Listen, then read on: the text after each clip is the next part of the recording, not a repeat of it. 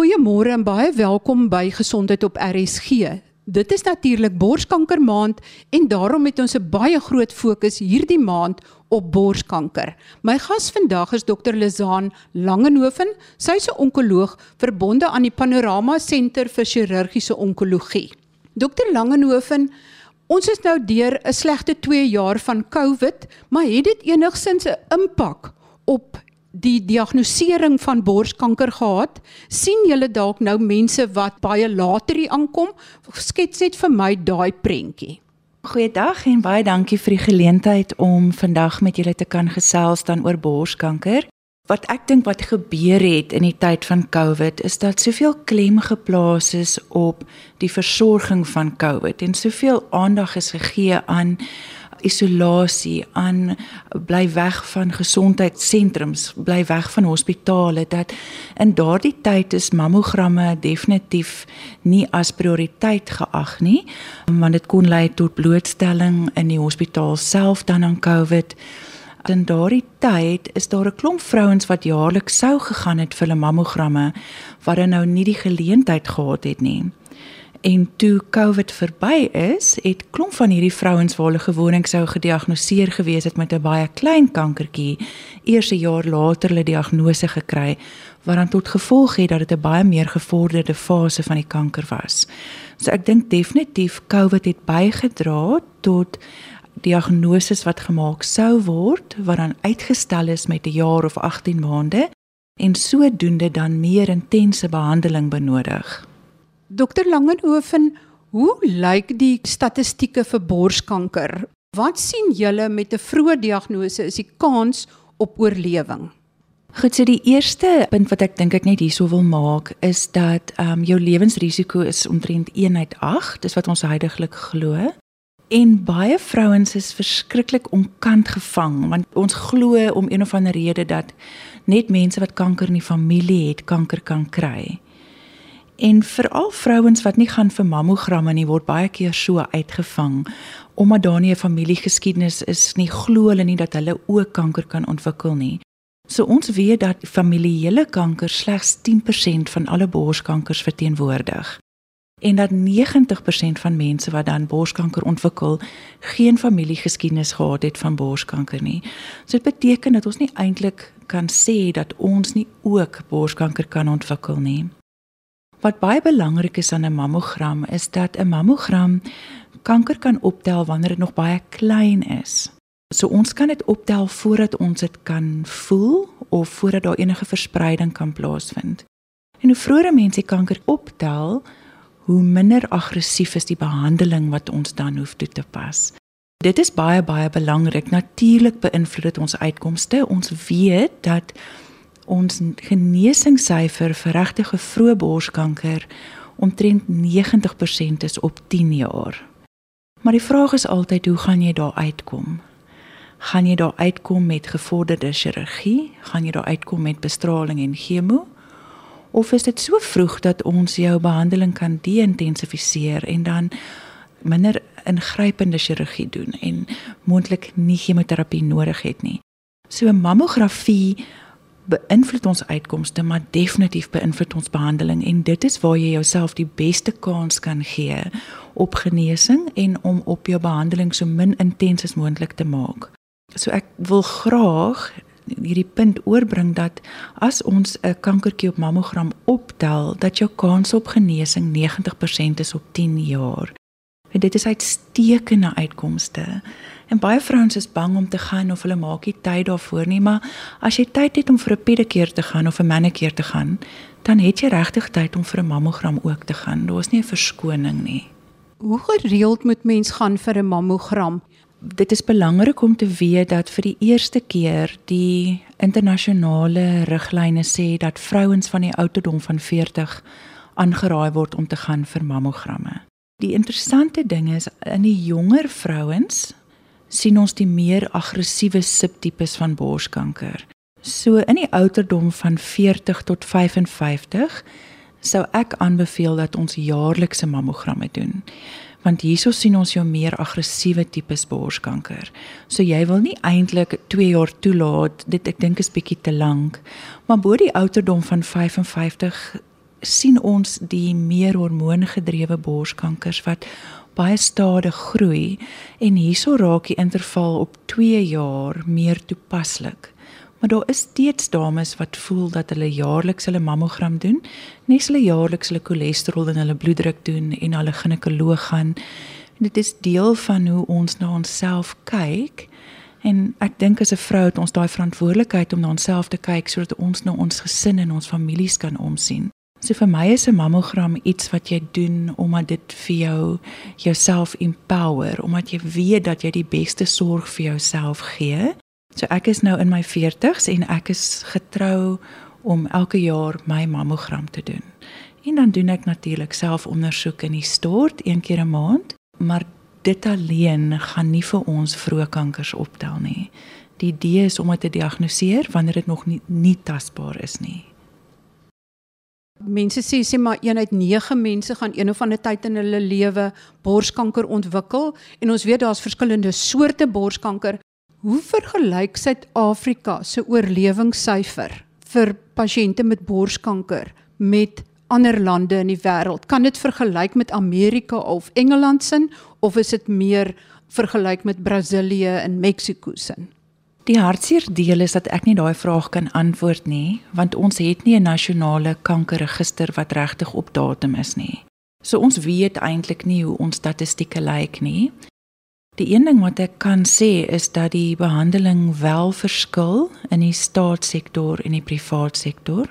So die privaat sektor dink ek is waarskynlik beter as baie van die eerste lande ons het nie 'n nasionale gesondheidsdiens heidaglik nie en wat baie keer gebeur in lande soos Kanada en lande soos ehm um, Brittanje is dat daar baie lang waglyste is wat jou baie keer baie tyd vat om by 'n spesialis uit te kom. Daar's 'n lang wys vir jou skanderingsondersoeke, daar's 'n lang waglys vir die chemokamer. So baie keer kan ons in Suid-Afrika in die privaat praktyk alles wat oor see 'n maand sou vat, kan ons waarskynlik in 'n week doen. So ek dink tog dat in privaat praktyk ons kan vergelyk en dat ons selfs 'n meer voorbeleide proses um, in Suid-Afrika ervaar. Pasiënt het gekom vir die mammogram. Nou het julle gesien daar is 'n letsel. Wat se inligting het julle nog nodig om te besluit oor die spesifieke behandeling wat gepas is vir daardie pasiënt. Met ander woorde om die korrekte diagnose en klassifikasies en alles te maak. Ek dink die eerste belangrike ding om te besef is dat mammogram nie die diagnose van borskanker bevestig nie. Dit kan vir ons sê daar's iets wat lyk soos borskanker, maar eers wanneer ons weefsel geneem het, kan ons bevestig dat daar wel borskanker teenwoordig is. So die biopsie kan vir ons sê watter een van die vier algemene subtipes dan teenwoordig is. En die, die groot subtipes is maar die hormoongedrewe tipe. Die onderafdeling van die hormoongedrewe tipe is waar ons dan hormoonontrekking en chemoterapie doen en nie net hormoonterapie nie. So daai is ons eerste twee tipes.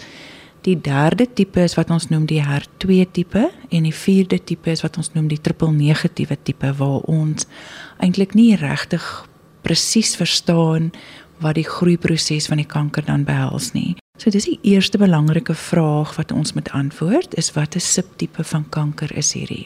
Die tweede vraag wat ons moet beantwoord is hoe ver is hierdie kanker dan versprei in die bors self? Het dit enige aantasting van die kliere onder die arm of agter die borsbeen of in die nek en is daar verspreiding na ander organe? So is daar verspreiding na die longe of die lewer of die brein of been? En hierdie ondersoeke hoe ons dit gewoonlik vasstel is dan 'n CT skandering 'n partykeer waar dit baie vroeë en baie klein kankertjies is wat nie aggressief is nie kan ons wegkom met 'n borsekstraal en 'n buiksonar In sekere gevalle moet ons dan ook 'n beenskandering doen om te kyk of daar verspreiding na been is. In jong dames sukkel ons baie keer om regtig die borsweefsel mooi deur te kyk op 'n mammogram omdat dit nog so dig is. En hier is 'n MR-skandering van die borste baie keer aangedui. En dan as ons praat van die HER2 of die triple negatiewe subtipe, doen ons gewoonlik ook 'n MR-skandering van die brein. So wanneer ons dan nou al hierdie inligting het, sê ons dan wat 'n subtipe kanker die persoon mee presenteer. Ons sê dan ook wat die stadium is van die tipe en baseer op dit is daar internasionale riglyne wat dan vir ons behandeling voorstel. Dink is belangrik om te weet dat daar in Suid-Afrika twee oorsigkomitees is wat ons behandelingsplanne nagaan. So dit is nie net ek kan doen wat ek wil in my kantoor en iemand anders in Johannesburg doen net wat hy wil nie. Ons het riglyne waar volgens ons besluite neem. Hierdie riglyne is baseer op die tipe kanker en die stadium van die kanker. Hierdie riglyne word nagesien daar's 'n oorsigkomitee om seker te maak dat ons goeie en veilige medisyne toepas. Ek dink dit is ietsie wat ons nie altyd bewus is van nie, maar ons behandel volgens internasionale riglyne en daar is oorsig om seker te maak dat ons dit wel nakom. Met ander woorde, jy kyk na die weefsel deur 'n biopsie te neem. So daar's 'n verskil tussen 'n fyn naald biopsie en 'n 'n kor biopsie. So dit beteken nie dat die naald 'n bietjie dikker is. So dit is nog steeds 'n naald biopsie. Die fyn naaldjie gaan nie vir ons die inligting gee rondom die reseptore van die kanker nie. So ons doen 'n biopsie ons spuit mooi dood. Dit klink erger as wat dit is. En dan haal ons weefsel met 'n naaltjie uit en dan stuur ons dit af na die patoloog vir verder ontleding. Dit neem dan so 2 na 3 dae voordat ons terugvoer kan gee. En partykeer is 'n tweede toets nodig wat ons 'n fish toets noem wat dan tot en met 2 weke kan neem om beskikbaar te word. My gas vandag is Dr. Lizaan Langenhoven onkoloog verbonde aan die Panorama Sentrum vir chirurgiese onkologie. En ons fokus vandag op die behandeling van borskanker, alles buiten die mastektomie en rekonstruksie wat ons verlede week op gefokus het. Is daar al beter terapieë beskikbaar selfs vir die aggressiewe tipe kankers as 10 in 20 jaar gelede? Dit is 'n baie lekker vraag om te antwoord die belangrikste punt wat jy sopas oorgebring het is dat daar verskillende tipes borskanker is. En sekere van die tipes is baie sterk hormoongedrewe en baie keer is die behandeling wat ons dan nodig het gebaseer daarop om hormoonvlakke te verminder. En baie keer is chemoterapie nie eers ter sprake nie.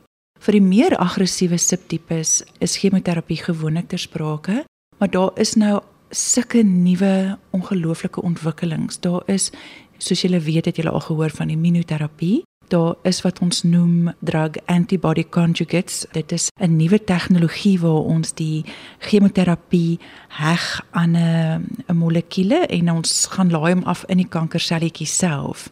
So jy kry nie eintlik chemoterapie verspreiding in die hele lyf nie. Die selletjies word eintlik spesifiek deur die chemoterapie geteken Dis soos 'n ouetjie wat met 'n valskerm spring en op sy rug het hy bietjie chemoterapie en hy spring in die kankerselletjie self in. So ons probeer om ons behandeling minder toksies te maak. Ek dink baie mense as hulle die woord chemoterapie hoor, dink hulle aan die naarheid en die toksisiteit daarvan, maar ons is besig om nuwe tegnologieë te gebruik om die toediening meer spesifiek te maak om die kanker subtipe baie meer te teiken. Daar's dan ook 'n baie goeie verstaan van die HER2 subtipe en ons sien langtermynremissie selfs in in metastatiese siekte. Dit is 'n baie baie gerusstellende en 'n baie opwindende tyd om deel te wees van die behandeling van borskanker. Waar kom die genetika van die borskanker in? So wanneer ons iemand ontmoet vir die eerste keer, dan vra ons rondom 'n familiegeskiedenis. Ons sê gewoonlik as daar 3 mense in die familie nabye familielede is, dat dit 'n sterk indikasie is vir genetiese toetsing.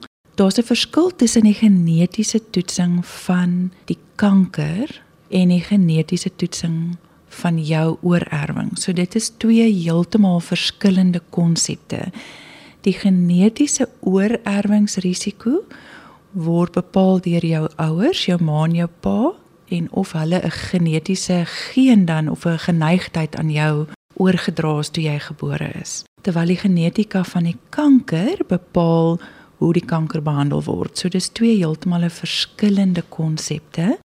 Daar is baie goeie riglyne waar volgens ons genetiese toetsing doen om dan te kyk of dit oorerflik is. So gewoonlik ons sê um, iemand op, so direk ma of ouma of direk langs jou sussie, boetie. Ons sê dat almal onder die ouderdom van 50 getoets moet word, almal met triple negatiewe borskanker enige iemand met 'n familiegeskiedenis van ovariële kanker in hulle familie. Die waarheid is dat die huidige toetsing relatief goedkoop geword het teen waar ons 5 jaar terug was. Ons kon 5 gene toets en dit het omtrent R11000 gekos. Ons kan nou 93 gene toets en dit kos omtrent R5000. So waar iemand die finansiële vermoë het, sou ek tog aanbeveel dat jy die genetiese toetsing doen Want ek dink tog daar is van diegene wat nie baie hoë penetrasie het nie. Met ander woorde, dit kan generasies verbygaan omdat dit nie 'n baie sterk geen is nie wat ons optel. Um, en ek dink die toekoms vir ons kinders, ons kleinkinders is om te sê toe ek borskanker gehad het, het ek seker gemaak dat daar nie 'n oorerwingsrisiko is nie. Dit is diegene wat ons getoets het en ek het die beste inligting wat ek kan op daardie stadium vir my familie ingewin want 'n mens weet nie wat die toekoms gaan bring nie. So ek is baie baie sterk ten gunste daarvan om genetiese toetsing te doen mits dit binne jou finansiële begroting is. Baie van die fondse betaal ongelukkig nie die R5000 nie, maar van die groter fondse betaal wel wanneer daar dan nou 'n baie sterk indikasie is. Jy het gesê dat van die toetse vat tot 2 weke om 'n uitslag te gee. Maar die oomblik as 'n pasiënt hoor dat sy kanker het, of moet ek sê sy of hy want borskanker kan ook in mans voorkom.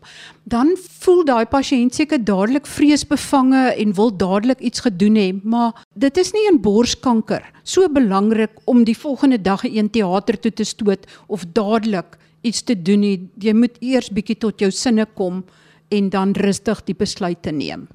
Ja, dit is nogal so 'n sensitiewe bespreking hierdie vir my want ek sien baie keer dames wat so groot geskrik het dat hulle net alles wil af hê en hulle besef nie dat dit nie nodig is nie. So jy weet, 5 eh, jaar na die tyd, jy voel dalk in daai oomblik, goed, ek het nou beheer en ek doen iets. Maar 5 jaar later dan kom jy agter dat jy ander besluite kon neem en dat jy slegter kosmetiese uitkomste het en begin 'n mens eintlik nogals jammer voel dat jy nie net daai week of twee gewag het en net eers rustig geraak het nie. Die ander ding wat ek sou doen in daai tyd van wag, so dit is baie keer wat ons nou wag vir die weefsel of ons wag vir al die toetse om gedoen te word. Ek sou persoonlik navorsing doen oor die verskillende borskanker eenhede in my area. Ons weet dat jou uitkomste verbeter as dit binne 'n multidissiplinêre span behandel word. Ek sou wou weet werk die dokter wat my gaan sien in isolasie of is die dokter deel van 'n span wat gereeld bymekaar kom en ons gevalle bespreek. As 'n mens in so 'n span werk, soos byvoorbeeld ek werk in so 'n span, ons kom een keer 'n week bymekaar vir 'n uur en 'n half. Ons gaan deur die nuwe gevalle, ons kyk na die mammogramme en na die CT skanderings. Daar's gewoonlik onkoloë, radioloë, kerngeneeskundiges en patoloë teenwoordig. Ons het ook 'n genetiese dokter wat teenwoordig is soos ons deur elke geval praat, sal daar altyd meer insig van een van die dissiplines kom. Die radioloog sal sê kyk net gou na die ander bors, dit pla my, dis nie gerapporteer nie of die patoloog sal sê ek het hierdie en hierdie raak gesien, ek ek neem dit verder. So dit is baie baie waardevol om 5 of 6 verskillende dokters te hê wat vanuit verskillende oogpunte na jou geval kyk. Die tyd vandat jy gehoor het jy het borskanker tot ons besluit op behandeling. Is 'n belangrike tyd om vir jouself ook die beste kans te gee. So doen navorsing oor die dokter na wie jy verwys word. Doen navorsing na die eenheid. Kyk of daar multidissiplinêre eenhede in jou area is, want dit gaan definitief die kwaliteit van jou behandeling beïnvloed. Dokter Langenhoven, jy het myself gelei na die volgende vraag en dit is baie pasiënte besluit dan skielik hulle wil nou sommer 'n dubbele mastektomie hê. Kan 'n dubbele mastektomie jou lewe red? Die vraag het eintlik twee antwoorde. vir iemand wat 'n genetiese oorerwingssindroom het, soos die BRCA geen, Angelina Jolie is 'n goeie voorbeeld van iemand. Daar is 'n bilaterale mastektomie wel lewensreddend vir meeste van ons pasiënte want ons risiko om dan borskanker te ontwikkel waar ons hoë penetrasie gene het is tot 80% in 'n leeftyd. Maar dit is nie wat ons dink aan 'n mastektomie nie, dis nie 'n plat mastektomie nie. Ons kan pragtige heropbou opsies doen. So ons skil eintlik net die weefsel uit die bors uit. Ons kan dit dan vervang met 'n protese of ons kan dit vervang met ons eie vet of ons kan dit vervang met 'n spier.